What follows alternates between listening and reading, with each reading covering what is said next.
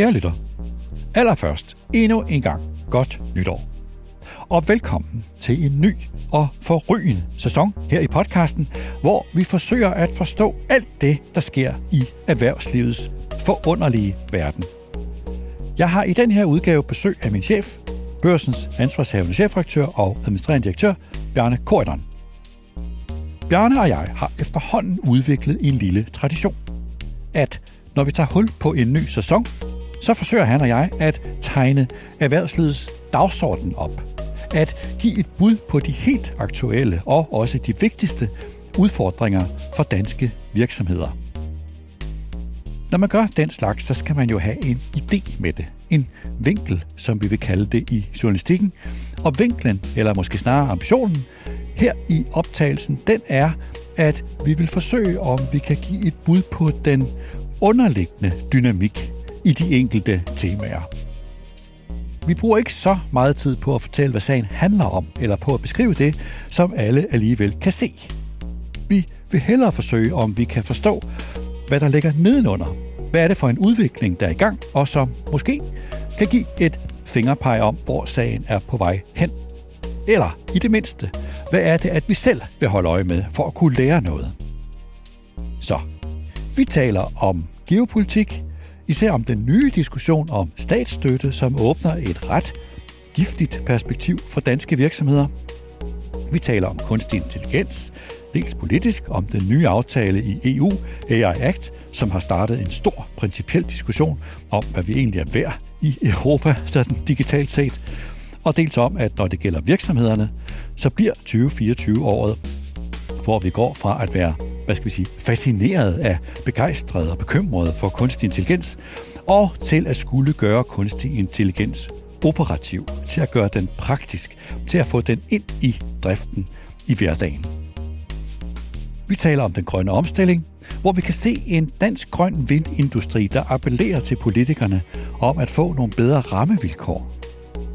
Men måske er der i virkeligheden noget mere grundlæggende og mere alvorligt på spil for vores grønne industri.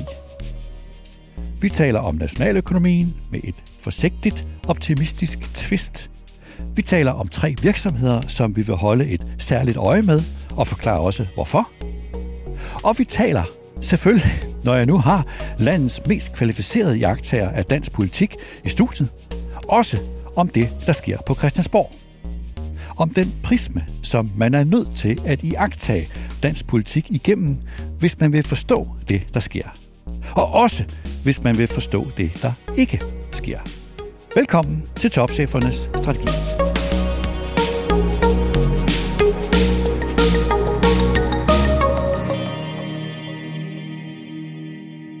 Bjarne Kortøren, velkommen.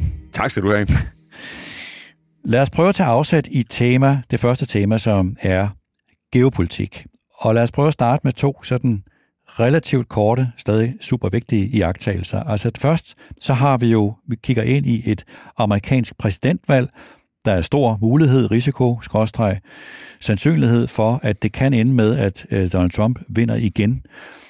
Hvordan skal man iagtage den, det scenarie med det amerikanske præsidentvalg set med danske øjne, og ikke mindst set med øh, dansk erhvervslivs øjne?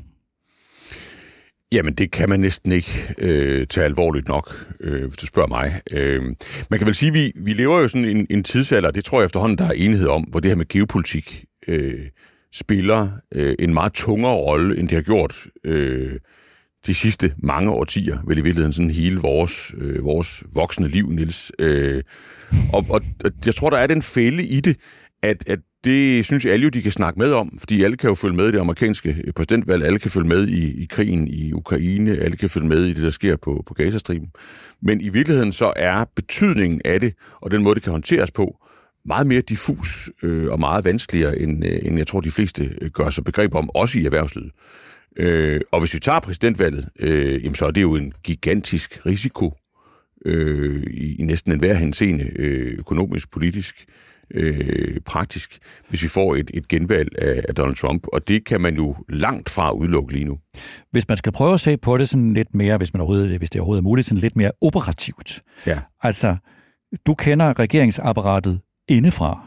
Mm. Sidder man i regeringen nu, altså ikke så meget blandt nødvendigvis kun øh, ministerne, men også blandt embedsværket, og prøver at forberede sig på det her, altså forberede sig på en eller anden plan, som også øh, man kan øh, tilbyde erhvervslivet, hvis ellers at, at øh, det ender med en Trump? Jamen, det kan du bide dig selv i næsen på, at, øh, at man gør. Jeg, jeg, jeg tror, hvis vi lige åbner døren og kigger ind der, så jeg håber ikke, det lyder banalt, men man skal jo bare forstå, at det her med vores relation til USA er jo på en måde fundamentet for alting, eller det er jo sådan et af to fundamenter for, for alting, altså dels vores medlemskab af EU, og så vores alliance med, med USA. Så det forhold, at, at vores væsentligste allierede, øh, det land, der garanterer vores sikkerhed, kan komme under øh, ledelse af et menneske, øh, som med meget høj sandsynlighed vil udfordre, om man overhovedet vil det længere, og i hvert fald om man vil det på de øh, gunst for os gunstige betingelser, vi har været vant til i en hel generation, det er jo et jordskælv øh, ind, øh, ind mod de professionelle mennesker, det er jo både embedsmænd og politikere, der styrer vores udenrigspolitik. Så det skal du ikke være i tvivl om, at de lægger øh, meget, meget, meget grundige planer for at håndtere. Og jeg tror også, man skal være opmærksom på, at de lægger meget ydmyge planer øh, for at håndtere det. Fordi det, der er de faktiske forhold i den sikkerhedspolitiske jernindustri, det er, at der er jo ikke andre, der kan levere den vare til Danmark. Og det vil sige, uanset hvad man mener om Donald Trump, så må man gøre, hvad der skal til for at få ham til at blive ved. Øh, og det tror jeg, man forbereder sig på at, at kunne. Og det, der jo så er vanvittigt svært, det er jo, at den forberedelse skal man jo gennemføre, uden at kunne tale højt om den. Så hvis du lytter til vores statsminister, det hun sagde omkring nytår og op til nytår, så sætter hun jo det her med geopolitik og USA og så videre, sikkerhed på dagsordenen, men hun kan jo ikke sige højt, at det er en gigantisk risiko for, for Danmark, at, at Trump bliver valgt, fordi det vil jo indebære en risiko for, at hun fik fornærmet ham på forhånd. Øh, og, og, det, og det, vil, det vil komme os alle sammen dyrt at stå. Så hun skal jo som, som demokratisk folkevalgt øh, leder af Danmark forberede os på, at vi, at vi virkelig, virkelig skal bøje os dybt for at blive ved med at, at, at få amerikansk øh, sikkerhed leveret, også Trump, uden at kunne sige højt, øh, at, at det er et problem, og at hun er bange for, hvad der sker. Øh, det må sige at være en stor opgave. Så man sidder og forsøger forskelligt, i hvert fald, hvis ikke ligefrem en plan, så i hvert fald at forsøge sig at forberede sig på nogle scenarier, som man ikke kan tale højt om, for ikke at fornærme ham, øh, en, en mulig øh, præsident Trump, men som man alligevel er nødt til at forberede erhvervslivet på. Er der nogen, har du nogen bud på sådan en mulig samtale eller en mulig plan, som erhvervslivet vil kan se frem til? Jamen, jeg tror, man vil, vil, jeg tror, man ligger og kigger efter øh, muligheder for at komme en eventuelt præsident Trump i møde. Øh, og øh, nu indgik vi jo en, en, en meget vidtgående sikkerhedsaftale med USA øh, før øh, nytår om amerikansk militær tilstedeværelse i, i Danmark. Øh, den tror jeg sådan set ikke på den måde havde, havde noget med, med Trump at gøre. Det tror jeg, man ville have gjort under alle omstændigheder, uanset hvordan meningsmålingerne så ud i USA. Det tror jeg, den tror jeg er givet af, af verdens udvikling som, som sådan. Men jeg føler mig overbevist om, at man sidder med en lang liste optioner på at spille Danmarks kort på en måde, som en, en eventuel præsident Trump vil se, se positivt på. Det kan jo godt involvere ting, som også øh, har betydning for, for dansk, øh, dansk erhvervsliv, altså ting, der, der handel, samarbejde, øh, adgang til Danmark, vores adgang til USA, øh, osv. osv., osv. Et andet emne, beslægtet med det, vi lige har nævnt nu, det er jo selvfølgelig hele, hvad skal vi sige, den sikkerhedspolitiske øh, diskussion. Vi har stadig en, en helt uafklaret situation mellem Rusland og Ukraine. Vi har krig i Mellemøsten, vi har øh, Gaza. I bedste fald uafklaret, kan man ikke sige næsten. Jo, i bedste fald, jo, ja. det må man jo desværre ja. øh, efterhånden øh, se i øjnene. I bedste fald uafklaret. Vi har hele situationen i, i Mellemøsten, og vi ser sådan, at kendte globale sikkerhedspolitiske, øh, også udenrigspolitiske institutioner, som Danmark har nyt godt af i, øh, i mere end en generation, begynder at blive noget sådan øh, ustabile. Mm. Den del af den geopolitiske situation, hvad kalder den på? Jamen, jeg, jeg har næsten lyst til at, at trække pointen et, øh, et vred mere, hvis jeg, hvis jeg må, ikke? Fordi du kan sige, også på de dagsordner, du, du nævner der, der har vi jo at gøre med ting, som øh, er potentielt dybt alvorlige, men som vi ikke kan tale øh, særligt direkte om. Når det gælder Rusland og Ukraine, øh, jamen, så er der vel en udbredt frygt for, at, at momentum i den konflikt er ved at skifte. Altså at opbakningen til Ukraine i Vesten, og det er jo både EU og, og USA, men også Ukraines øh, egen, om man så må sige, øh, mobilisering øh, bag krigen, at der er en relativ svækkelse der, over for et Rusland, øh, som, øh, hvis der er en ting, Rusland er god til, så er det jo vedholdenhed øh, og, ja. og offervilje ind i den type Altså, når jeg har talt med igennem de sidste år med, med erhvervsledere med erfaring fra Rusland, så betoner de jo alle sammen den russiske udholdenhed Ja, og robusthed ja. og tålmodighed. Du kan sige, hvis du tager krigen eller konflikten i Gaza, jamen så er det jo også en konflikt, hvor vi, hvor vi, øh, hvor vi går på æggeskaller i forhold til, hvad vi kan sige og mene øh, om, om krigens to parter og de andre øh, spillere i regionen. Så hvis jeg må trække min pointe lidt længere ud, så har du at gøre med altså sådan et helt billede af meget, meget alvorlige situationer geopolitisk, hvor du ikke kan tale rent ud om nærmest nogen af dem. Du kan ikke tale rent ud om det amerikanske præsidentvalg, risikoen øh, ved det, risikoen ved Trump, risikoen for NATO.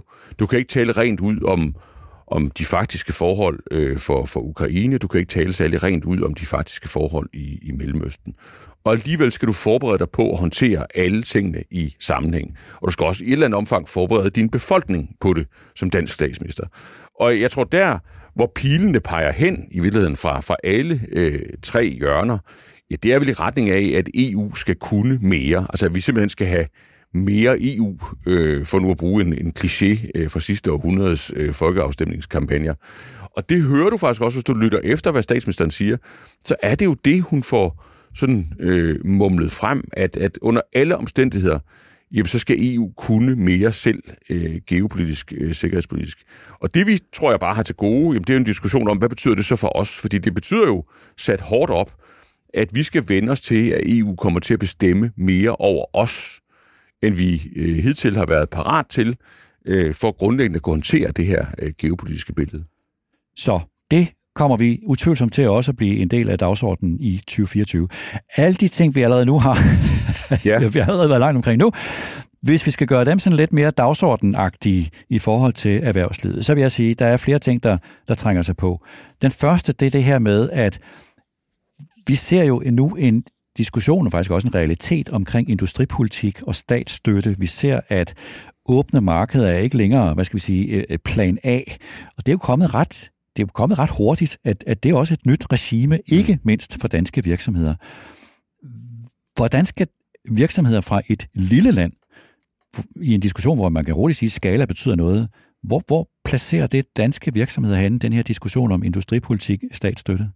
Ej, jeg må sige, at jeg synes, det placerer danske virksomheder øh, vanskeligt. Øh, og det gør det jo fordi, at, at du har fuldstændig ret, at et, i det her billede af, af, af hvor, hvor sådan geopolitik for alvor kommer højt op på dagsordenen, måske faktisk øverst øh, på dagsordenen, der har du fuldstændig ret, der følger det med, at ideen om, øh, om, om fri konkurrence, øh, om globalisering, om, om, om åbne markeder, ja, den er i et vist omfang på retur, og i stedet for så får du en enorm vægt på, at hver enkelt magtblok øh, fører politik øh, for at få øh, sin del af kagen, øh, også for at have, have sikkerhed for at, at have kritiske industrier og kritiske forsyningskæder. Det gør USA, det har Kina jo gjort længe, og EU er også gået i, i gang med det.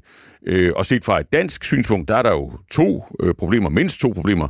Dels er EU øh, næppe er lige så gode til det som de andre, og dels at vi øh, som et, et lille land med en meget øh, åben økonomi, ja, det er jo et terræn, øh, vi vil have det skidt i.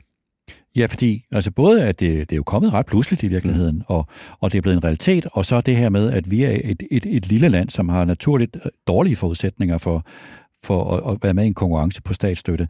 Der er jo, kan man sige, to principielle synspunkter her.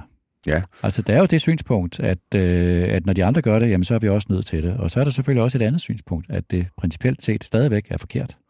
Jamen, præcis. øh, og jeg tror, man, man, man man gør sig selv en tjeneste ved lige at bruge et minut på at forstå de der synspunkter, fordi det ene synspunkt er jo overvældende stærkt. Hvis du sådan måler på, hvor meget der bliver sagt og skrevet, så er tilhængerne af industripolitik og en geopolitisk begrundet industripolitik, det er jo de mange. Altså det er jo næsten alle politikerne, øh, også ganske mange øh, eksperter, stort set alle, der beskæftiger sig med udenrigspolitik, vil jo sige, det der, det bliver vi nødt til, og det kan kun gå for langsomt.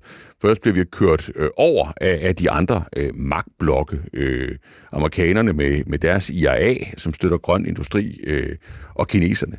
Og, og, og så er der jo sådan en, en mindre øh, og noget tavsere øh, gruppe, og det er jo, sådan, øh, det er jo økonomerne, som siger, jamen det, det kan godt være, I har ret sådan politisk, men I er, altså, I er altså virkelig ved at destruere økonomisk værdi, fordi det, vi er blevet rige på øh, i, i verden over de sidste 30-40 år, det er jo netop, at der er åbne markeder, der er fri konkurrence, og tingene bliver løst der, hvor det er billigst og mest effektivt. Og det er sådan, vi, vi får samlet set den, den største øh, velstand. Men hvis man argumenterer for, at økonomerne faktisk har ret, ja. kan man så ikke det, sige... Det er jo, frist, det er jo et frist. Det er et meget frist. Det er, det er, det er et meget, meget fristende synspunkt, ja. Men de seneste sådan 5-10 år, hele diskussionen om globalisering og modbølgen imod det, viser den ikke, at økonomernes synspunkt, det rationelle synspunkt, det holder simpelthen ikke, fordi øh, der er simpelthen så stærke, hvad skal vi sige, folkelige vælgermæssige strømninger i retning af politi- politikernes synspunkt, at, at øh, økonomernes synspunkt har ikke i realiteten en chance. Det tror jeg ikke, økonomerne vil, vil mene, hvis nu man kan tillade sig at tale om dem som en flok. Det vil de sikkert også protestere imod. Men jeg tror, de vil, hvis de, de vil jo sige, at, at, at det her med at have en globaliseret, åben økonomi, har skabt det største, øh, den største fremgang i global øh, velstand, løftet flere mennesker ud af fattigdom, end, end vel nogensinde tidligere i, i verdenshistorien. Og så vil de i hvert fald sige, at hvis vi sådan lige lægger de, de, de helt store verdensdiskussioner til sige, så vil de side, så vil de i hvert fald sige, at for Danmark har det været helt fantastisk. Der har det været en, altså sådan en Goldilocks-verden, altså hvor vi, hvor vi fik det bedste øh, af alting. Altså adgang til, til alle markeder og, og muligheden for, øh, for nogle lange forsyningskæder, hvor, vi, hvor noget af det, vi ikke selv ville producere, det kunne vi købe billigt andre steder. Øh, så økonomerne vil sige, at det her, det her nye regime, vi går ind i, det er en dårlig nyhed for et land som Danmark. Anyway, så er det i hvert fald en diskussion, vi kigger ind i i 2024. Ja. Og at... at øh, jo, du har set, at regeringen er jo, har jo taget, altså er jo begyndt at, at, at lægge op til, at nu skal vi også i Danmark Absolut. føre industripolitik og bruge penge på det. Jo, man kan tydeligt se, at regeringen er ved at, at indtage øh, det synspunktet til fordel for industripolitik, øh, skråstrej statsstøtte. De siger vel nærmest også direkte udtrykket øh, statsstøtte. Øh, det bliver jo en principiel diskussion, som helt sikkert kommer til at følge meget i 2024. Vi er nødt til lige at tage øh, næste emne. Vi er stadig i geopolitik, faktisk. Mm. Fordi vi ser jo nu, at geopolitik er blevet et vilkår, også som, hvad skal vi sige, sådan ledelsesmæssig disciplin. Altså at en virksomhedsledelse nu skal simpelthen balancere ind i et terræn, hvor man ikke bare skal gå efter sådan almindelig økonomisk kommersiel effektivitet, men er nødt til også at tage geopolitiske hensyn. Ikke mindst har vi jo set det øh, i forhold til øh, Kina, vi har set det i forhold til øh, Rusland. Det er et nyt vilkår.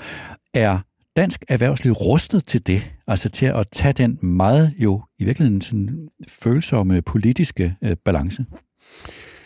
Ja, det bliver vel sådan et ja og nej svar. Øh, jeg tror ikke, man skal undervurdere, hvor dygtige de er til det. De helt store danske virksomheder, de er jo øh, ægte globale virksomheder. De, de bor i Danmark, men de arbejder på hele kloden. Omvendt tror jeg også, man må sige, at vi, vi kommer fra en verden, altså en globaliseret, øh, åben øh, verden, hvor man kunne tillade sig at tænke meget mindre over den slags ting, end man i, i dag er, er nødt til. Og skal man være lidt fræk, øh, så kan man da godt udfordre, og man får alvor øh, på, på alle direktionsgangene rundt omkring i, i, i kongeriget, har taget ind, hvor alvorlig en opgave det her er. Og, og den kommer jo, øh, det, det er jo nok en dobbelt udfordring i virkeligheden for at komplicere det lidt, ikke? fordi du har et, et skakbræt, som ikke bare er et markedsskakbræt, det er også et geopolitisk skakbræt. Du skal, du skal spille øh, du skal spille politikerne øh, i de store magtblokke i, øh, i verden. Og samtidig jamen, så har du så også en offentlighed, altså øh, nogle kunder, nogle medarbejdere, nogle medier, øh, en, en, en global og også en national diskussion, øh, som handler om, om værdier, øh, som handler om formål, purpose, øh, der grundlæggende blander sig i dine dispositioner, som overvåger dig og som udfordrer øh, de, øh, de skaktræk, du tager øh, i, i forhold til politikere, regimer, og magthavere, som jo ikke alle sammen er lige øh, fine i kanten, og som jo bestemt ikke alle sammen er, er, er demokratiske eller, eller bygger deres, deres magtudøvelse på de værdier, vi synes øh, er rigtige eller sympatiske. Man skal jo kun begge dele, og det ved jeg ikke, om de er klar til. Vi to, vi fik jo en fælles oplevelse, øh, aha-oplevelse faktisk, øh, i foråret sidste år. Øh, jeg er sikker på, at du kan huske den, da vi havde vores Impact-konference, ja. som i høj grad handlede om Kina, og hvor der var en interessant diskussion, nemlig det her med, at erhvervslivets, øh, altså tunge topchefer fra erhvervslivet, havde simpelthen svært ved at forstå muligheden af det. På det, det var på det tidspunkt, hvor der var en, en diskussion om, hvorvidt Kina ville levere våben til Rusland i Ukraine-konflikten. Ja. Øh, altså, de havde svært ved at forstå, at, at, at, at man ville kunne tænke geopolitisk, altså at, at de er vant til at tænke kommercielt forretningsmæssigt logisk, og det forhold, at der kan komme beslutninger ind over, som er irrationelle af geopolitiske grunde, øh, følelsesmæssige grunde, det var jo vores fælles iagtagelse af den konference, at det er der altså mennesker på højt niveau i erhvervslivet, som stadigvæk har lidt svært ved at forstå.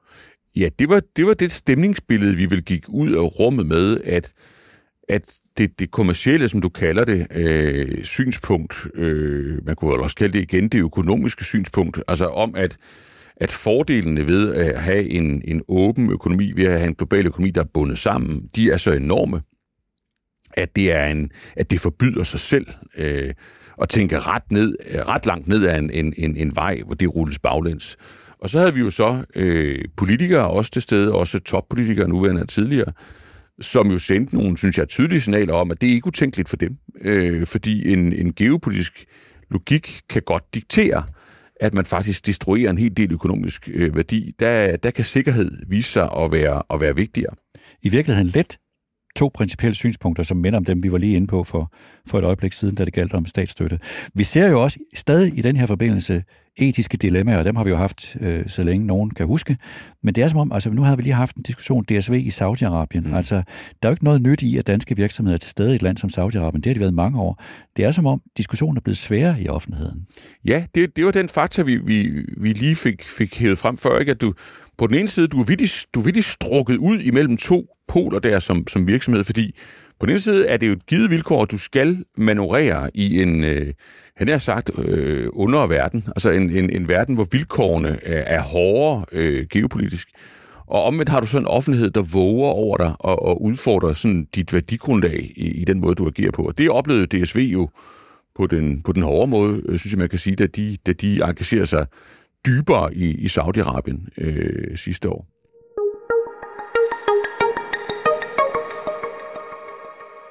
Bjarne, vi er nødt til at komme videre. Ja. nummer to, kunstig, ja. kunstig intelligens. Ja.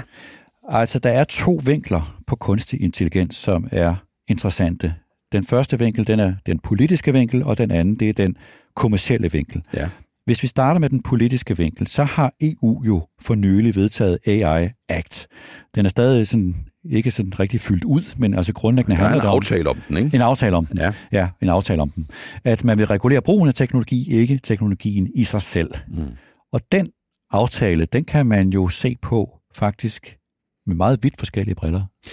Ja, og, og, og, og forskellene på, på de briller eller synspunkter, der er, jeg, jeg synes, hvis man lige kigger nærmere på det, så bliver man næsten chokeret. Ikke? Fordi afstanden fra, hvad du kan kalde optimister til pessimister, den er, den er helt enorm. Altså, øh, også mere, vil jeg mene, end, end normalt, når man sådan vurderer øh, ny, vigtig øh, politik.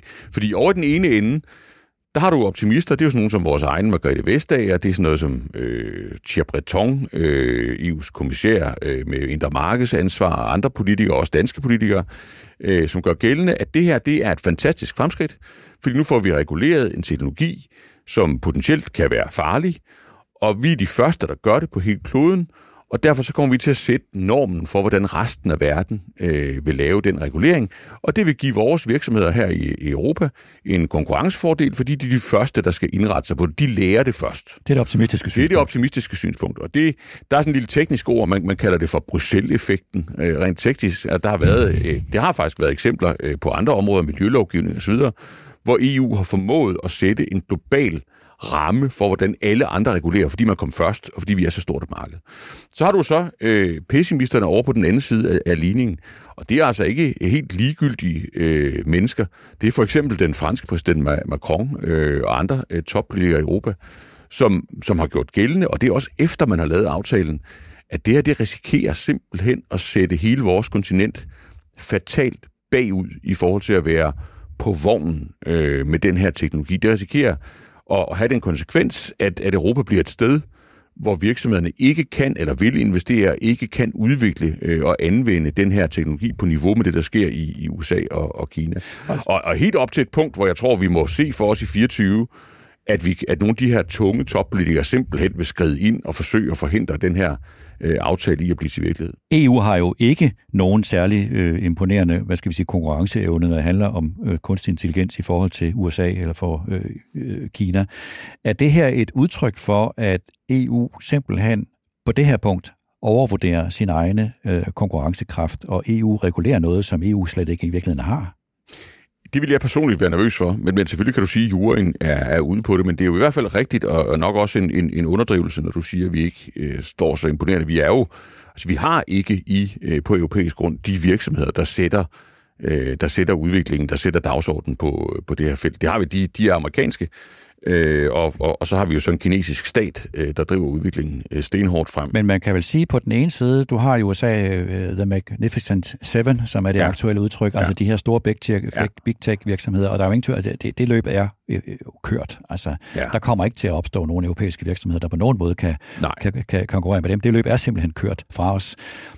Det forhindrer vel ikke, at man fra politisk hold har en helt naturlig, legitim idé om, at vi er nødt til på en eller anden måde at begynde at regulere kunstig intelligens. Men det er helt legitimt gerne vil regulere øh, kunstig intelligens. Øh, det er det bestemt. Øh, man, man bliver vel bare nødt til at tænke igennem, hvad, hvad vil det så betyde for de øh, samfund, øh, vi, vi har, for de økonomier, vi har. Og, og der tror jeg, man kan sige, et er jo, at vi ikke i Europa får virksomheder, der kan matche The Magnificent øh, American øh, Seven, og at vi selvfølgelig aldrig kan gøre det ligesom øh, Kina, hvor, hvor staten jo øh, fuldstændig driver det her uden respekt for datasikkerhed eller, eller andet. Men, men det næste spørgsmål, det er jo hele den, den anden bølge, øh, hvor, hvor, hvor, om man så må sige, almindelige virksomheder begynder at bruge kunstig intelligens til at gøre det, de laver i forvejen øh, meget bedre, øh, meget mere produktivt, øh, og også udvikle nye versioner af det. Altså bliver vi også sat, sat bagud i, i den bølge. Det er jo nok det er jo nok den bekymring, man kan have, hvis man er på, på skeptikerholdet, som jeg tror, du kan høre, jeg hælder lidt imod, hvis du, hvis du nu fritter, øh, fritter mine egne holdninger der. Men, men jeg tror, det er et af de store dramaer, øh, det bliver vi, vil, på, vi vil se i 2024, hvis ellers man holder godt øje. For det kan jo godt være, det, det foregår langt nede under overfladen en gang til. Altså sådan noget, vi ikke... Hvor, hvor diskussionerne, de, de handler om du ved, alt det principielle, og, og, og, og hvad, hvad nu med menneskehedens overlevelse, når der kommer kunstig intelligens, men hvor der foregår noget meget mere dramatisk, meget mere konkret inde i maven på EU's reguleringsmaskine.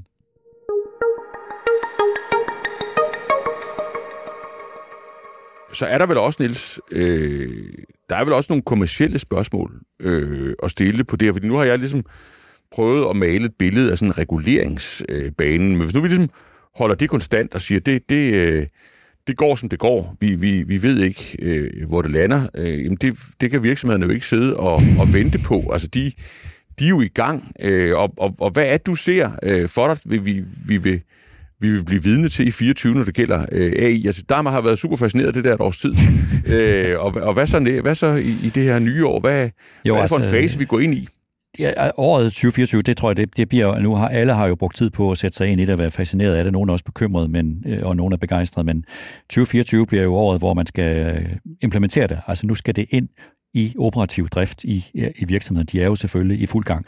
Altså jeg synes jo, der er mange utrolig interessante øh, dilemmaer, hvor vi ikke rigtig har været før. Altså der er for eksempel det der med, at her får vi en teknologi, som alle får adgang til. Altså både alle medarbejdere får adgang til den, og alle virksomheder, også alle konkurrenter får adgang til den. Og det vil sige, man skal altså skabe sig en konkurrencefordel i kraft af en teknologi, som alle får adgang til. Og også det her med, at der er nye spilleregler. Altså, man har jo talt om, at internettet bragte omkostningerne ved distribution ned i retning af nul, og det, fik, mm. det har jo vendt op og ned ja. på, på, på utallige brancher og ja. skabt nye brancher. Den fysiske hele, afstand betyder lige pludselig noget andet. Tænk på hele e-handel og ja. alt det. Og nu får man en, en ny teknologi, som måske kan gøre det samme med kreativitet, altså bringe omkostningerne ved at være kreativ ned mod nul. Alle de ting, hvad kommer det til at betyde? Og et af de bedste bud, jeg synes, jeg har hørt, det var øh, her i podcasten faktisk i sidste uge, Kate Smates fra McKinsey. Jeg talte med hende.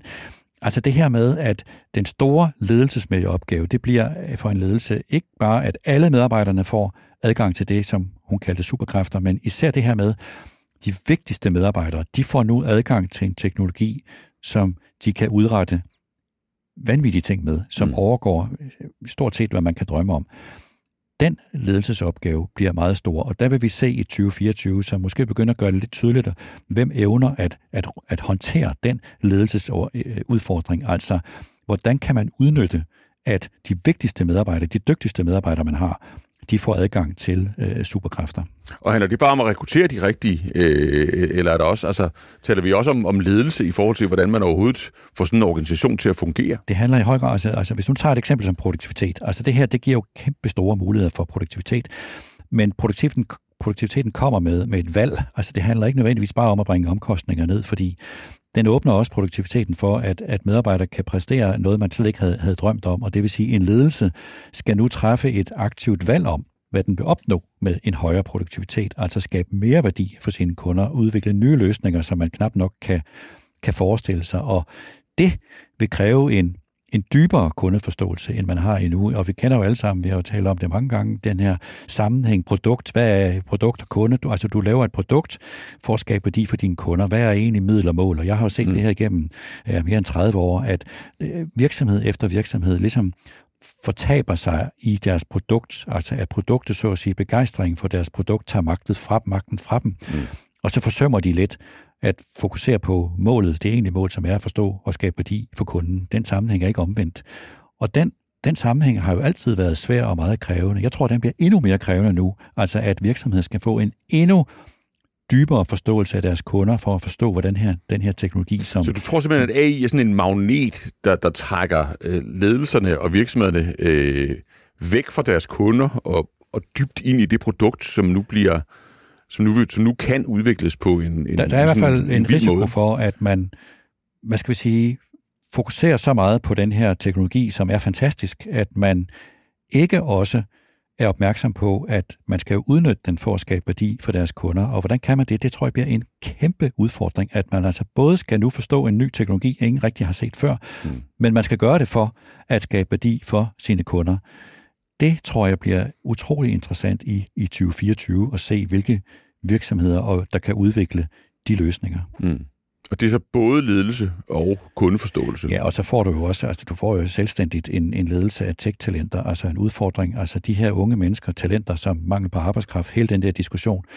Hvad betyder det, at når du skal tiltrække og motivere helt unge mennesker. Øh, hvad vil det betyde for dit hierarki, din virksomhed, din aflønning?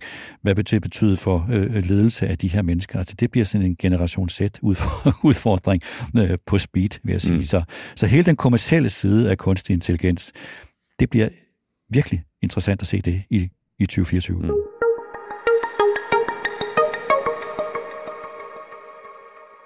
Emne nummer tre, den grønne omstilling. Igen en en problematik, som kan kalde på 117 forskellige iagttagelser. Når du skal iagtage den grønne omstilling og diskussion omkring bæredygtighed i 2024, hvilken dynamik vil du især holde øje med?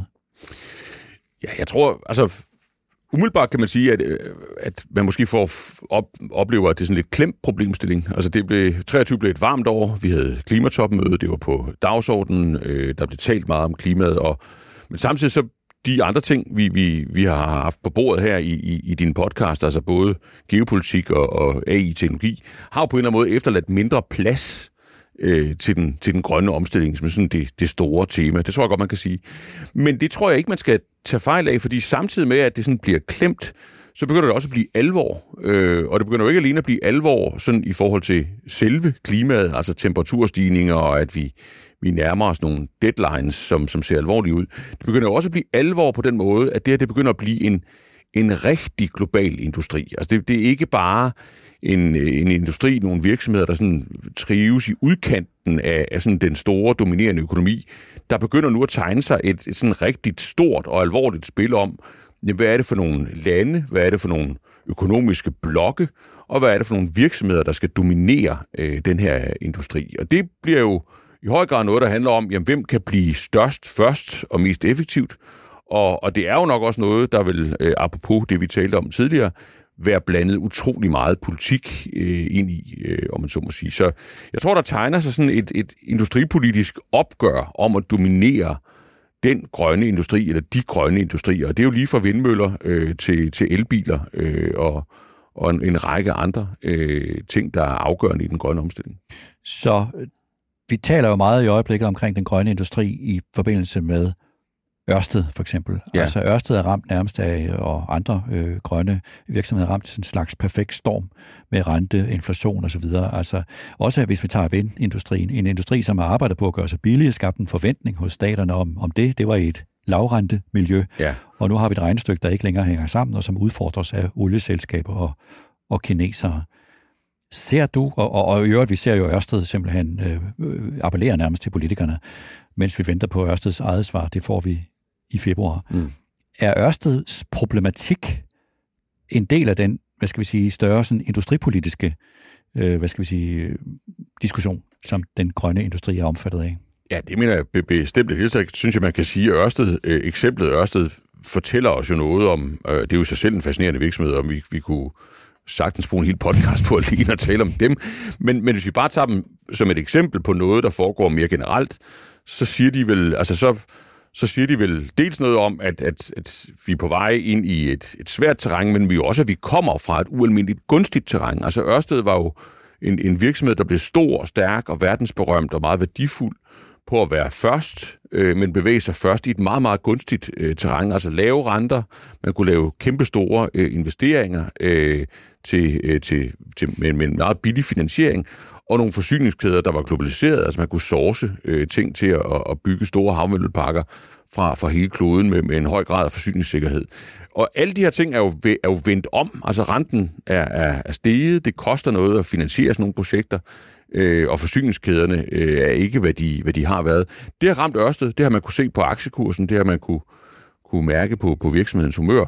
Og samtidig bevæger den sig jo så ind i det her terræn, hvor den jo grundlæggende gør sig klar til at spille med om, om altså bliver Ørsted en af de få store øh, virksomheder, der vil stå tilbage, når det her på et tidspunkt er, har spillet sig ud. Altså når vi har en, en, en grøn industri, der, om man så må sige, er blevet en rigtig øh, industri. Ja, og jeg går ud fra, nøglen til at forstå Ørsted-forløbet er vel, at det lykkedes ledelsen, den daværende ledelse i Ørsted, at skabe sig en konkurrencefordel i et nyt marked inden for havvind. Helt sætten i overensstemmelse med lærebøgerne.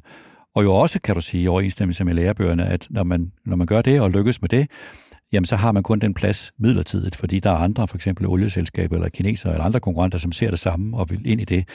Så den her konkurrencefordel, som Ørsted lykkedes med at skabe, den er efterhånden blevet mindre og mindre.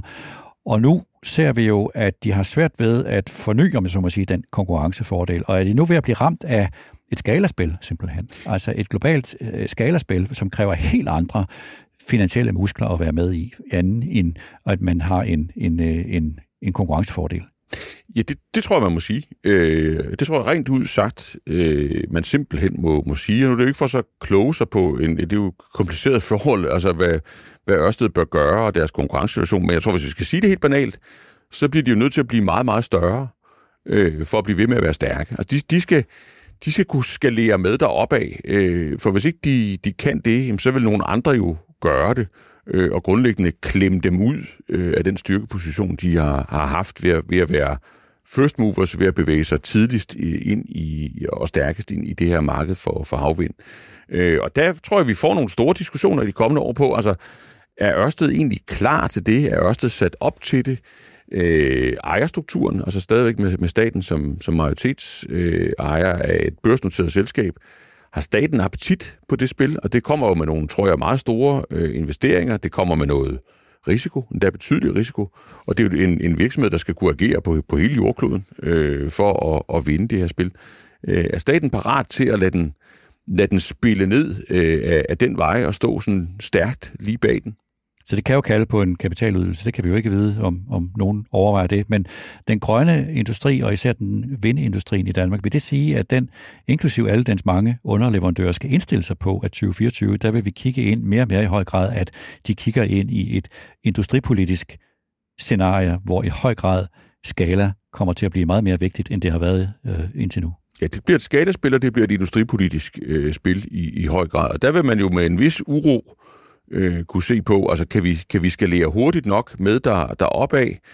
Vi har EU i ryggen. Øh, er det stærkt nok i forhold til de andre, øh, altså at, at øh, hvad amerikanerne gør, hvad, hvad, hvad kineserne gør, øh, og, og så vil man jo, for nu være helt tilbage til der, hvor vi startede, så vil man jo også sidde med nogle danske politikere, som, som gerne vil spille det her spil, øh, men, men vi har jo en relativt lille statskasse i forhold til, til andre øh, store nationer, og der vil jo også være øh, røster i, i Danmark, selvom de måske ikke er så mange, og selvom de er lidt lavmælte, der vil sige, er det nu klogt, at vi bevæger os ned af sådan et industripolitisk øh, statsstøtte-ræs øh, i forhold til, til en del af vores økonomi, når, når den kapital, når de medarbejdere, når det talent i virkeligheden måske kunne bruges et, et andet sted, øh, hvor vilkårene ikke er lige så udfordrende, og hvor, der ikke, hvor vi ikke har store nationer, øh, statskasser i, imod os. Så den, den diskussion tror jeg vil, vil modnes i løbet af 24 på en måde, vi slet ikke øh, har været vant til i, i årtier i Danmark. Altså det, som jeg hører dig, det, som jeg hører dig sige, er jo, at hvis det der grønne industripolitiske skalaspil udvikler sig for alvor, så kan den danske grønne industri godt ende med at få et alvorligt problem og kalde på nogle alvorlige beslutninger, om vi overhovedet skal være med.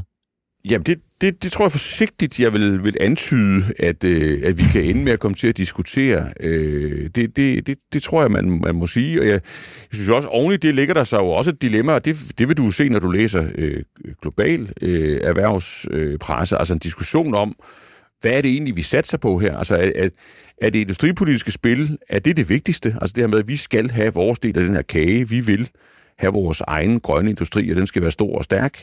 Eller er det det klimapolitiske spil, der er det vigtigste? Fordi der, vil, der, er, jo, der er jo røster, der siger, jamen hvis, hvis det, det i virkeligheden handler om, det er hurtigst muligt at lave grøn omstilling, øh, der er ingen tid at spille, og det må for guds skyld ikke være for dyrt, øh, fordi så, øh, så får vi det ikke gjort i, i tide, øh, jamen så, så vil der jo være nogen, der siger, jamen så bliver vi også nødt til at leve med, øh, at der er andre, der får en, en større del af kagen, end vi egentlig bryder os om, inklusiv Kina, øh, fordi det er den hurtigste vej hen til et mål øh, om, om bæredygtighed. Ikke? Så der er nogle store dilemmaer øh, på spil der.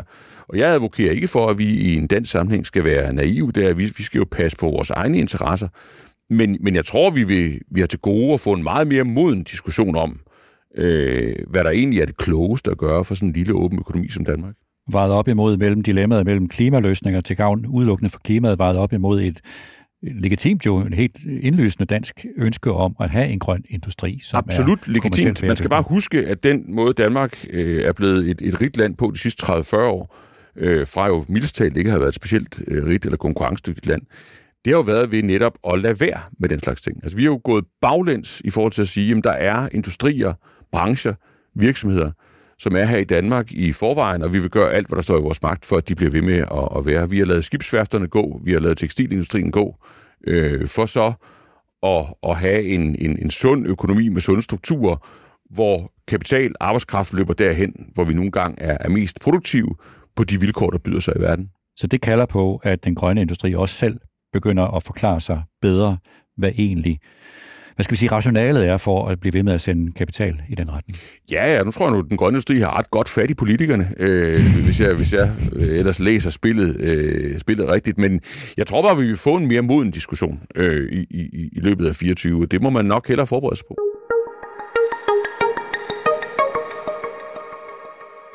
Emne nummer 4. Recession. Måske, måske ikke. Altså, vi har talt om det nu i lang tid. Der kommer en recession. Hvornår kommer den? Hvor slem bliver den? Kommer den overhovedet? Altså, der er meget uklare signaler, og det virker som om, at erhvervslivet kigger ind i 2024 i sådan et, et makroøkonomisk ret stort udfaldsrum. Ja. Hvad holder du øje med, når det handler om, hvad skal vi sige, det, det nationaløkonomiske udfaldsrum på kort sigt?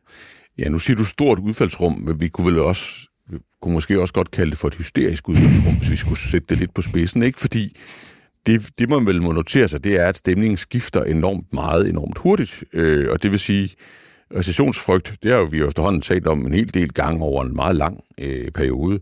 Og så kommer der jo sådan de her mellemperioder, hvor der bryder sådan en, en, en, en øringsrivende øh, begejstring ud på markedet, hvor man er sådan en kollektiv overbevisning om, at øh, det her det ender rigtig godt. Altså vi får en, en, en blød øh, økonomisk landing globalt i USA, i øh, Europa, Øh, vi, øh, vi får øh, inflationen ned, vi får renten ned, øh, vi får væksten en lille smule ned, men uden at, uden at vi får krise, og så går vi ind i sådan et, et, et, en ny stabil øh, periode. Og det har jo været opfattelsen øh, på, på markederne øh, i, i sådan den globale debat, faktisk øh, meget, meget dominerende opfattelsen øh, op omkring, øh, op mod årsskiftet, omkring årsskiftet. Altså det er markedets forventning? Ja, det har det i hvert fald været indtil for, for ganske nylig, så er man måske blevet en lille, øh, en lille smule i tvivl, når man sådan har set de, de allerseneste nøgletal og de allerseneste signaler fra, fra den amerikanske centralbank. Øh, men, men ja, det er, det er vel i øjeblikket klart øh, strømpilen. Øh, og så kan man jo spørge sig selv, altså det, et er jo, det er, er, er, er, det der hysteriet er gået hen lige nu, men, men kan man nu også være sikker på det? Øh, og det kan man selvfølgelig ikke, det, det ligger i sagens natur, men, men der er jo også nogle substantielle øh, argumenter for, at, at, at det, det bør man nok være nervøs for at konkludere øh, alt for tydeligt, alt for tidligt. Og, og den, det, man jo først og fremmest skal være nervøs for, det er jo, at, at, at vi får en, en ny, altså en anden bølge, en anden runde af inflation, øh, hvor, hvor de her rentestigninger slår igennem øh, økonomien, og hvor, og hvor de lønstigninger, vi har haft øh, på arbejdsmarkedet, slår i, igennem økonomien. Øh, og at, at, at vi derfor øh, ikke lander lige så blødt, øh, som man i øjeblikket regner med øh, Så det er, det er i realiteten umuligt at spore om, selvfølgelig. Jeg spurgte vores gode kollega Sten Bokan, ja. inden vi skulle øh, herind. Hvad, jeg, jeg testede ligesom Sten på, alle de her forskellige parametre. Det er altid en god idé, når man altid skal og om økonomi. Altid, ja, altid en god idé. Jeg snakker altid med Sten, ja. jeg skal øh, mene ja. noget om det. Altså, hvis der ligesom er en slags, hvad skal vi sige, en slags markør ja. på det her ting, så er det, hvordan beskæftigelsen den udvikler sig. Ja. Og jagttager forventer, at den ikke vil fortsætte med at stige, men, men, men men det afhænger jo af andre ting, økonomien i landet omkring os, adgangen til udenlandsk arbejdskraft, men, men det ventede de altså også ved indgangen til 2023, og beskæftigelsen fortsat med at stige. Ja. Så hvis man ligesom skal, skal have en, en, en temperaturmåler på, på det her, så, så vil det være, at man holder øje med, med beskæftigelsen. Ja, og, og det er jo så et af de utrolig mange paradoxer, du har taget os hen over i, i den her podcast. Ikke? Fordi det, det Sten han jo så håber på, det er, at beskæftigelsen den stille og roligt begynder sådan holder op med at stige, faktisk gerne falder en lille smule.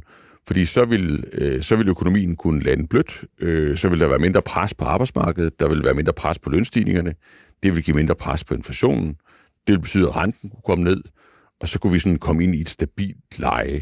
Og det han, tror jeg, er bange for, nu kan han jo tale for sig selv, og det gør han jo også hele tiden, øh, det er jo, hvis det, hvis det fortsætter med at tordne derudad, altså stigende øh, beskæftigelse, jamen så får vi også øh, endnu højere lønstigninger. Det vil sætte sig i øh, anden runde inflation, så kan renten ikke komme ned, måske skal den ligefrem øh, op i, igen, og så kan det hele øh, øh ende i et, øh, i et brag, altså øh, med en landing, der ikke er, er blød, men, men hård.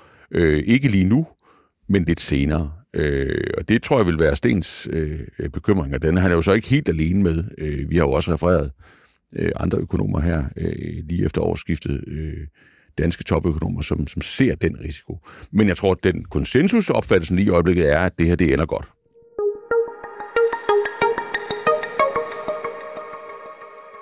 Okay.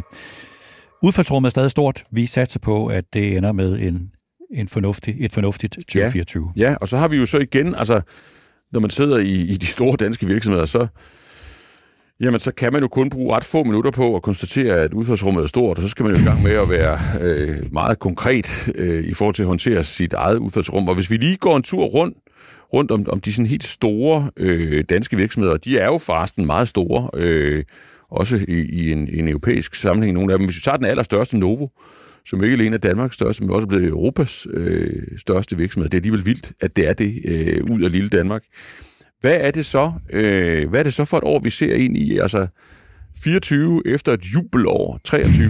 øh, hvad sidder de og hvad sidder de drøfter øh, i Novo efter at have fordøjet, at deres CEO Lars Foregård er blevet årets, ikke bare årets CEO, men årets person øh, altså globalt, øh, kåret af Financial Times. Altså det der Novo Nordisk forløb i 2023, det var jo helt vildt. Øh, altså at den er blevet den mest værdifulde virksomhed i Europa. Og som du nævnte, Lars Forgård, topchefen, blev årets person, og man ser jo også nu i Wall Street Journal og Financial Times, som helt naturligt skriver store artikler om Novo Nordisk, og og det, som jeg synes er interessant og bliver interessant at følge med i 2024 omkring Novo Nordisk, er jo ikke bare i gåseøjne deres kommersielle forretning, som, som jeg er helt overbevist om kommer til stadigvæk at, at vokse, men det der med, at vi har fået, du ved, en dansk virksomhed på det globale niveau, det har, jeg, det har vi ikke haft før, heller ikke med, med, med andre store danske virksomheder. Altså en global spiller, og det, som jo har gjort et stort indtryk på mig, det vil lytterne af podcasten vide, det er den der diskussion i USA om lægemidlernes afledte effekter. Altså det der med, at når folk i en befolkning, hvor 40 procent af de voksne er overvægtige, begynder at spise mindre og spise sundere og veje mindre, hvad det betyder for resten af erhvervslivet, altså for afledte øh, industrier simpelthen, at det har man en stor og helt uafklaret diskussion af i USA. Altså det er for mig et et udtryk for, at Novo Nordisk er kommet op i en størrelse, hvor man, nu handler det sådan set slet ikke længere om bare forretningen, nu handler det om Novo Nordisk som global aktør. Mm. Det synes jeg bliver vanvittigt interessant i 2024. Det, er de klar til det?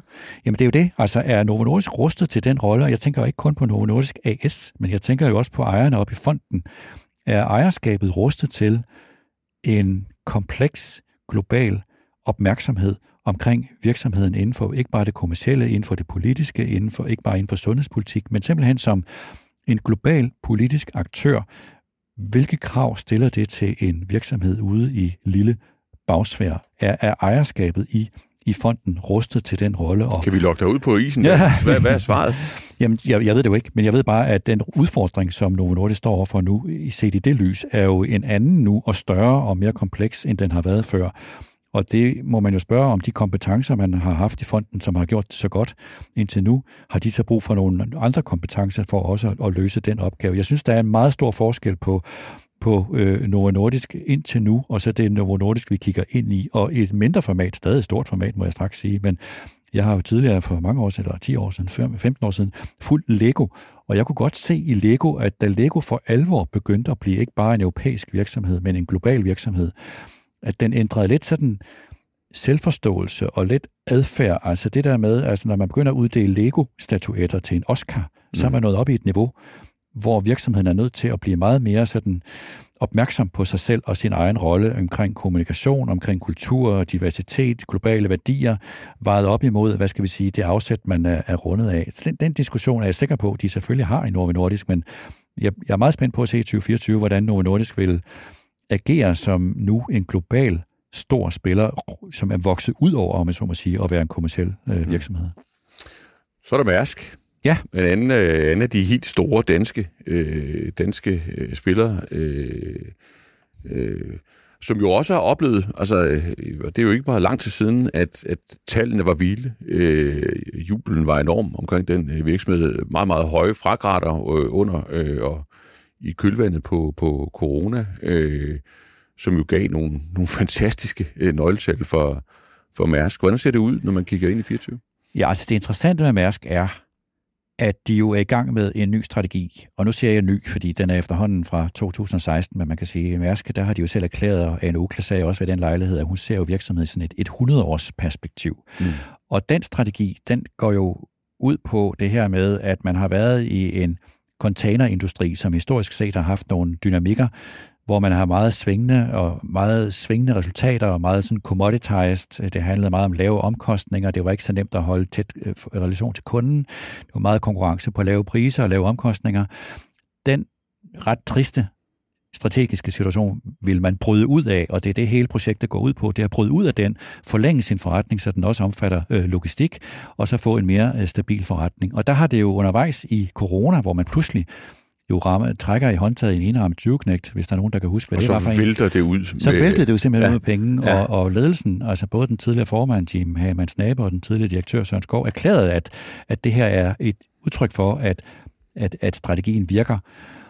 Men jeg lagde mærke til, da jeg var dernede sidste gang her i efteråret i november, hvor den nuværende topchef Vincent Clerc præsenterede regnskab, at så var man, nu var man presset igen. Nu er der igen pres på raterne, der er igen fokus på omkostninger, de skal spare, der er ny kapacitet på vej ind i et marked, som skaber et overbrud. Altså de der gamle dynamikker, som man vil forlade, de er i høj grad stadigvæk en del af virkeligheden. Så, så, du, så du er fræk nok til at sige, at de i virkeligheden slet ikke har bevist, at deres strategi virker endnu? Jeg synes, deres strategi giver fremragende mening. Altså det der med, øh, altså forsøg at bryde ud af en commoditized industri, er noget, alle virksomheder gerne vil, og jeg synes, deres bud på, hvordan de vil gøre det, den giver glimrende mening. Men jeg synes bare, man må konstatere, at nu hvor corona-succesen, øh, om man må bruge det udtryk, er væk, så viser de sig alligevel at være presset, og det vil sige, det er i hvert fald alt for tidligt og konkludere, at deres nye strategi øh, virker. Og derfor bliver 2024 super interessant at se Mærsk, fordi nu skal de vise, at den nye strategi, den bliver, når den bliver testet, mm. kan den så også tåle modgang. Det er jo det, der er hele deres projekt. Det er, at, at når modgangen er der, og det er en meget cyklisk industri, de er i, så vil den her strategi vise, at de har fået en mere stabil forretningsmodel. Nu får de modgang, og så skal vi så se, om de kan levere det bevis. Det bliver interessant at se Mærsk i 2024. Skal vi helt ned på jorden? Dagligvarer. Ja. Coop. Ja, hvis det, jeg lige skulle nævne. Sammen, altså, det er jo den ja, ja, ja, erhvervsliv, ja. vi alle sammen ja. løber ind i, øh, fuldstændig fysisk og konkret, når vi skal fylde en indkøbskur. Hvis jeg øh. skulle nævne en branche, som jeg synes virkelig er super interessant i de her år, så er det dagligvarerbranchen. Og særligt jo Coop er interessant, fordi det er jo en branche, altså Coop har jo det tror jeg godt, man kan tillade sig at sige, øh, uden de bliver øh, voldsomt fornærmet. Altså Coop konkurrerer jo i høj grad på samfundsansvarlighed, og det har de gjort jo i mere end 100 år. Det har været deres konkurrencefordel, og den har de ligesom forsømt at, at, at, at opretholde i moderne tid, og derfor er de blevet sårbare, og, og det så vi jo så, for så kom inflationen, og så kom jo kundernes ønske om lave priser og retning af discount, og, og Coop har jo mange år kæmpet med at få at holde op, øh, holde deres øh, faktorkæde i live, og det gik ikke rigtigt, og nu har de så lavet den om til 365 øh, discount. Så Coop er super hårdt presset i det her discount-regime af Selling Groups, Netto og af, af Rema 1000. Og det, det må jeg bare sige, det, det 2024, det bliver virkelig interessant at se, hvordan Coop vil komme igennem 2024. Lykkes de med at få genetableret deres discountkæde, som nu hedder 365 discount, eller kan 2024 blive rigtig grimt for, for Coop. Det, det, det, det, er det vil altså, du ikke udelukke? Nej. Det, altså, det, det er egentlig knæk? Det, det, ja, det, det tør jeg selvfølgelig ikke øh, spå om, men man kan godt sidde og være lidt bekymret for konkurrenceevnen i Coop i en tid, hvor der stadigvæk er et enormt pres på priserne, og hvor Salling Group har erklæret priskrig, og hvor jo Rema 1000 nu presser Stalin Groups netto. Altså det, det er jo en anden del af det her, at Rema 1000 nu for alvor begynder at presse netto, og i den kamp, der kan det altså godt blive rigtig, rigtig svært for, for Coop i, at være til stede i sådan en hård priskonkurrence, når de nu ikke rigtig har længere en konkurrencefordel i, i sådan en samfundsansvarlighed, som godt kunne, kunne forklare, at de kunne tage nogle højere priser end, end de andre. Så jeg må sige, dagligvarerbranchen som helhed, og især Coop, den bliver altså interessant at følge i, i 2024. Mm. Bjarne, vi er ved vejs ende næsten, men jeg er jo selvfølgelig, når jeg har dig, nødt til at lige runde det sidste emne, som er Christiansborg. Ja. Altså. Det er et godt sted at slutte, ikke? Jo, det er super. Det er indlysende. indlysende sted at slutte. Altså, når man skal jagtage Christiansborg, så er der jo ligesom de andre emner, vi har været igennem, alle veje at gå og i alle mulige jagttagelser. Hvis jeg siger, at det naturlige afsæt for foråret, det er at jagtage dansk øh, politik i høj grad omkring det her med, om Mette Frederiksen er på vej ud. Er det så et sted at starte i jagttagelsen? Ja, det synes jeg. Og, og det er jo sådan lidt frægt, fordi det siger hun jo, at hun ikke er. Øh, og, og jeg tror, hvis, hvis politikerne på Christiansborg hørte med, så vil nogen af dem jo sige, øh, hold op med alt det pjat øh, med personer og poster osv., kunne I ikke interessere jer lidt for, for substansen, øh, i stedet for, øh, det har vi faktisk ret travlt med. Øh, og, og til det er svaret jo bare, at, at øh, vi vil bestemt gerne interessere os for substansen, men, men vi har jo bare en regering, som for så vidt angår substansen, er gået meget i stå. Altså, der sker ikke øh, vanvittigt meget i dansk politik, når man sådan, i hvert fald ikke er sådan en stor samfundsmæssig betydning, altså i, i forhold til sådan reformer, der, der for alvor øh, laver om på, på, på vigtige ting. Og det har jo nok en hel del at gøre med, øh, at at man kigger hen imod en stor risiko for, en vis sandsynlighed for, at hele dansk politik bliver lammet, at regeringens arbejde bliver lammet øh, af, af en eller anden mulighed for, at statsministeren vil ud af landet. Øh, og, og det kan man jo gøre meget, meget konkret. Vi ved, øh, at der er sådan en stor international jobkabale, som skal lægges ind mod sommerferien. Øh, den øh, NATO-post, hun allerede var øh, de facto kandidat til før sidste sommerferie, skal endelig besættes nu, og det skal den i sammenhæng med, at man besætter alle topposterne også i, i EU, og dem er der en hel del øh, af. Man udnævner også en helt ny øh, EU-kommission, øh, og, og Danmark skal selv udpege en, en EU-kommissær, øh, og, og formentlig en anden end, end Margrethe Vestager. Så der er, og, det, og, og du må ikke tage fejl, altså alle nøglespillerne i, i toppen af dansk politik, de bruger en enorm procentdel af deres mentale tid på, på at forberede det her scenarie, fordi det kan jo ændre hele øh, spillet. Og det gør jo, at den restmængde af kræfter og opmærksomhed, de har til sådan at lave substanspolitik og reformer, den, øh, den er relativt øh, lille, øh, tror jeg, indtil det her det finder sin, øh, sin afklaring. Så den prisme, om man kan bruge det udtryk, som man skal jagtage dansk politik igennem, i hvert fald i foråret, der er man simpelthen nødt til at at forstå det spil. Altså uanset hvad de så i øvrigt siger til citat, jamen så er det her spil en realitet, og det tager enormt meget af deres energi.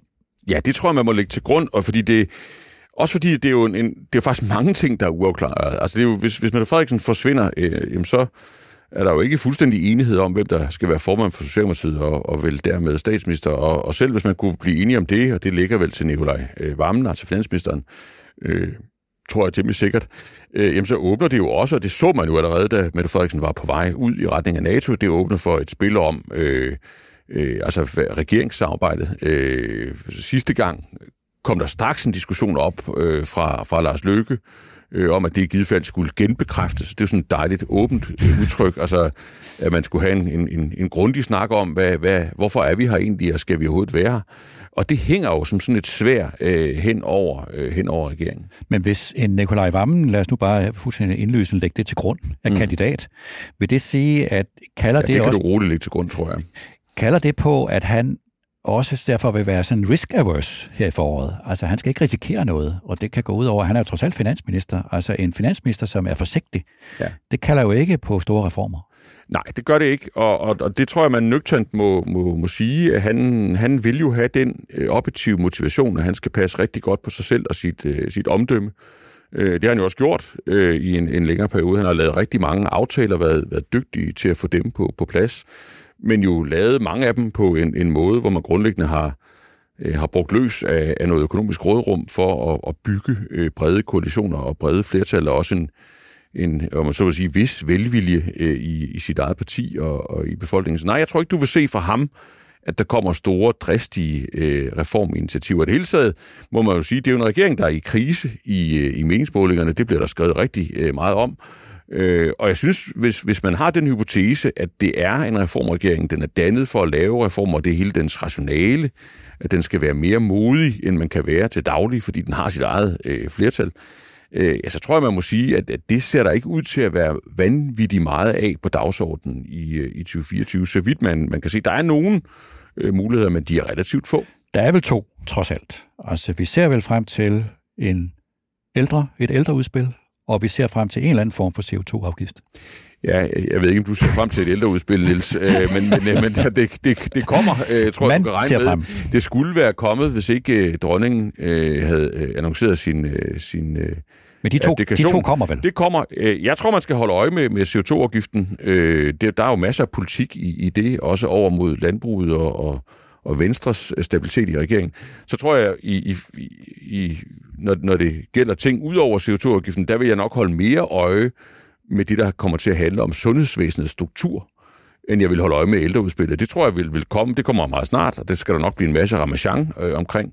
Men hvis man sådan ser det fra et samfundsmæssigt, strukturelt perspektiv, så tror jeg, at det næste vindue for, at der kunne ske noget vigtigt, som, som også vil kunne huske sig af betydning om 10-20 år, jamen det er, hvis, hvis, hvis regeringen er modig nok til at ændre hele den måde, vi, vi, vi driver øh, sundhedsvæsenet på, altså hele konstruktionen omkring regioner og, og, og så videre, så videre, opgavefordelingen, det er på dagsordenen i, i 24. Der må vi så se, om de overhovedet har tid til øh, at snakke med hinanden om at gøre noget vigtigt der, eller om de har travlt øh, med at finde ud af, hvem der egentlig skal være hvad.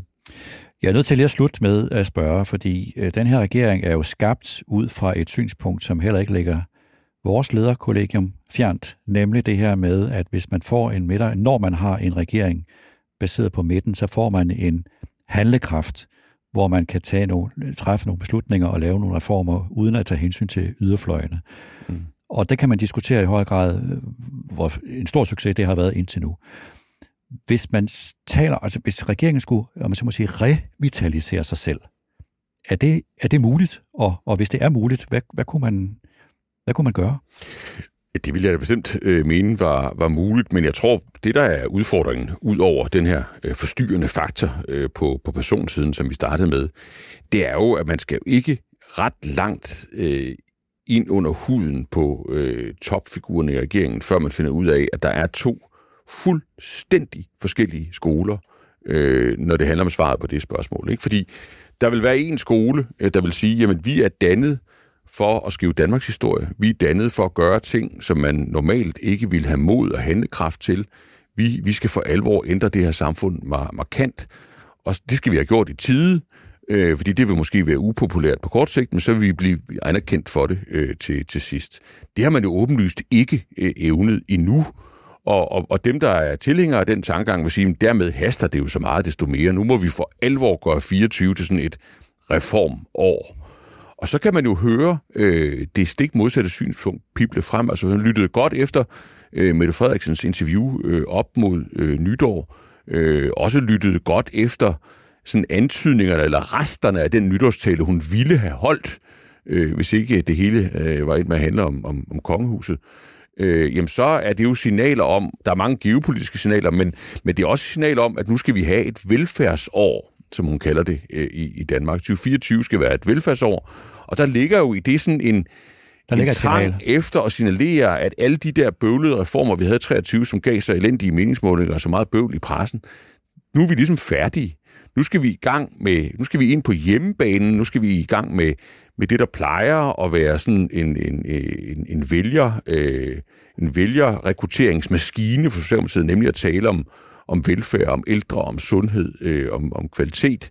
Altså ind og, og spille øh, hjemmebanefodbold, om man så må sige. Så det er jo to helt, helt i, i virkeligheden forskellige øh, bud på, hvordan man revitaliserer sig selv. Og det man jo godt kunne, som sådan en gammel, kynisk mand kunne, kunne frygte, det ville jo være, at de to ting sådan nogenlunde neutraliserer hinanden. Øh, så det du får, det er sådan lidt mere af, af det samme, øh, sådan lidt, lidt, lidt, lidt grå. Øh. Men det vil sige signalet fra statsministeren, som du øh, tolker det, og så ser vi helt bort fra den diskussion, vi lige var inde på, hvorvidt ja. hun er på vej ud af leje. Ja. Men signalet fra statsministeren, det er ikke, at man skal se frem til en, en hvad skal vi sige, en fornyet kraft i, i reformer. Det er ikke sådan, jeg øh, hører hende overhovedet. Øh, jeg hører hende som en statsminister, der gerne vil have et, et, øh, et velfærdsår. Og så hører jeg hende, og det må jeg sige, også som en statsminister, der i virkeligheden taler meget mere om udenrigs- og geopolitik, øh, end, end de ting, vi nu har valgt at fokusere på øh, her i, i den indrigspolitiske del af, af, af vores gennemgang. Fordi det er det, er det der trækker i, i, i hende. Det er der, dagsordenen er stor. Altså Ukraine, øh, Israel, Gaza, USA, øh, EU. Øh, også øh, det, der foregår på resten af jordkloden, hele hendes Øh, relation ud mod det, der foregår på den sydlige halvkugle, Indien osv. osv. Og den jagttagelse, at en statsminister i sin, om så må sige, sceneperiode bliver mere orienteret mod øh, uden, uden Det har vi set før. Ja. Den dynamik, den har vi set før. Den har vi set før, og det, det er jo sådan noget, der sker med statsminister, øh, når de kommer ind i embedet og finder ud af både, hvad man kan, øh, og også, hvad, man, øh, hvad, hvad der egentlig er ens arbejde øh, i, i forhold til at repræsentere øh, Danmark og varetage Danmarks interesser på den, på den store scene. Og så må man nok også sige om, om Mette Frederiksen, at, at hun kom ind øh, uden noget, øh, noget sådan synderligt blik øh, for den del af det politiske liv. Der var sådan nærmest en, en lettere håndelig øh, indstilling til det i, i hendes retorik, ikke mindst over for EU. Og så har hun jo for alvor fået øjnene op for, hvad det betyder, og det har hun jo fået i en tid, hvor det også objektivt øh, er begyndt at betyde uendeligt meget mere, og på en uendeligt meget mere kompleks måde. Bjarne Korydon, tusind tak, fordi du var med til at at gennemgå dagsordenen for ja, Det var da en fornøjelse, og det man vel kan konkludere, det er, at det bliver ret sjovt øh, at, at lave det, vi laver i 2024. Det bliver et fantastisk 2024. Tak fordi du kom. Selv tak.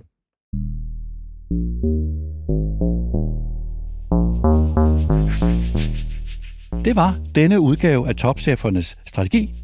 Et forsøg på at skyde 2024-sæsonen i gang det var langt, jeg ved det godt, men altså, det var Bjarnes og mit forsøg på at tegne erhvervslivets dagsorden op. En slags to-do-liste over de udfordringer, som danske virksomheder står overfor.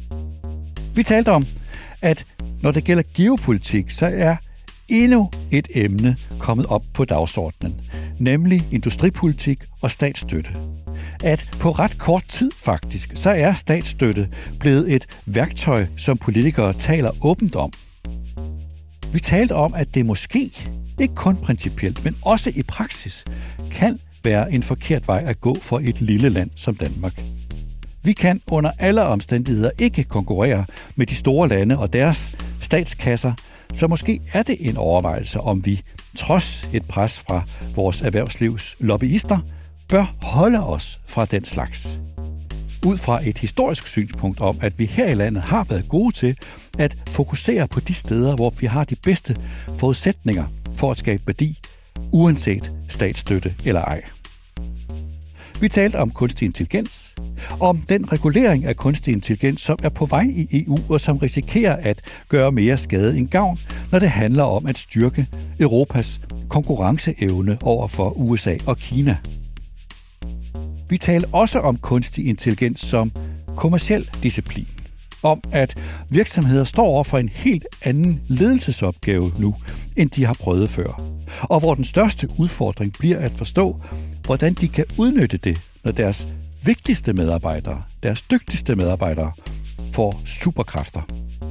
Og om, at kunstig intelligens ikke kun handler om at bringe omkostninger ned, men i høj grad også handler om at udvikle nye løsninger og om at skabe ny værdi for sine kunder. Og hvis du endnu ikke er klar på at omfavne kunstig intelligens, så vær opmærksom på, at et nyt buzzword, som er kommet op i tiden, det siger, du kommer ikke til at miste dit job til kunstig intelligens. Du kommer til at miste dit job til en, der bruger kunstig intelligens. Vi talte om den grønne omstilling og med Ørsted som et eksempel om en dansk konkurrencefordel, som risikerer at blive indhentet, hvis ikke den bliver fornyet. Om en grøn industri, som måske ser ind i et scenarie, hvor man konkurrerer på stordriftsfordele, på skala, og hvor kravet for at være med er, at man er stor. Globalt stor. Kan grønne danske virksomheder, og vil grønne danske virksomheder, være med i det spil? Og hvis det store dilemma i virkeligheden er, hvad er egentlig vigtigst? At bidrage til de globale klimaløsninger, eller at opretholde en grøn dansk industri? Hvad er så det rigtige danske svar? Vi talte om frygten for en recession. Hvornår kommer den? Hvordan bliver den? Bliver den blød? Bliver den hård? Kommer den? Kommer den ikke? Udfaldsrummet er stadig stort, og det er den nærliggende iagttagelse på vej ind i et stadig uforudsigeligt 2024. At alt kan stadig ske.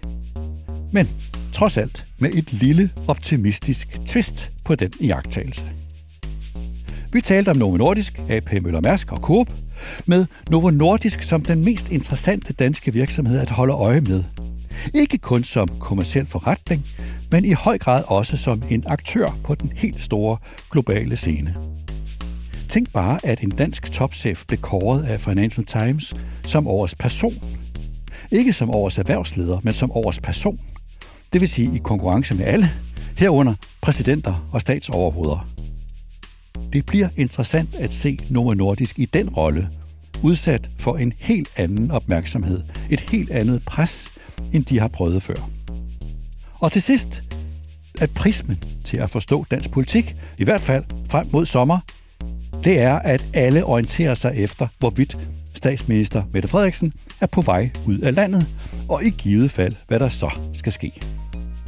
Tak til Bjarne Korydon, tak til Peter Emil Witt, der redigerede optagelsen, og tak til dig, der lyttede med.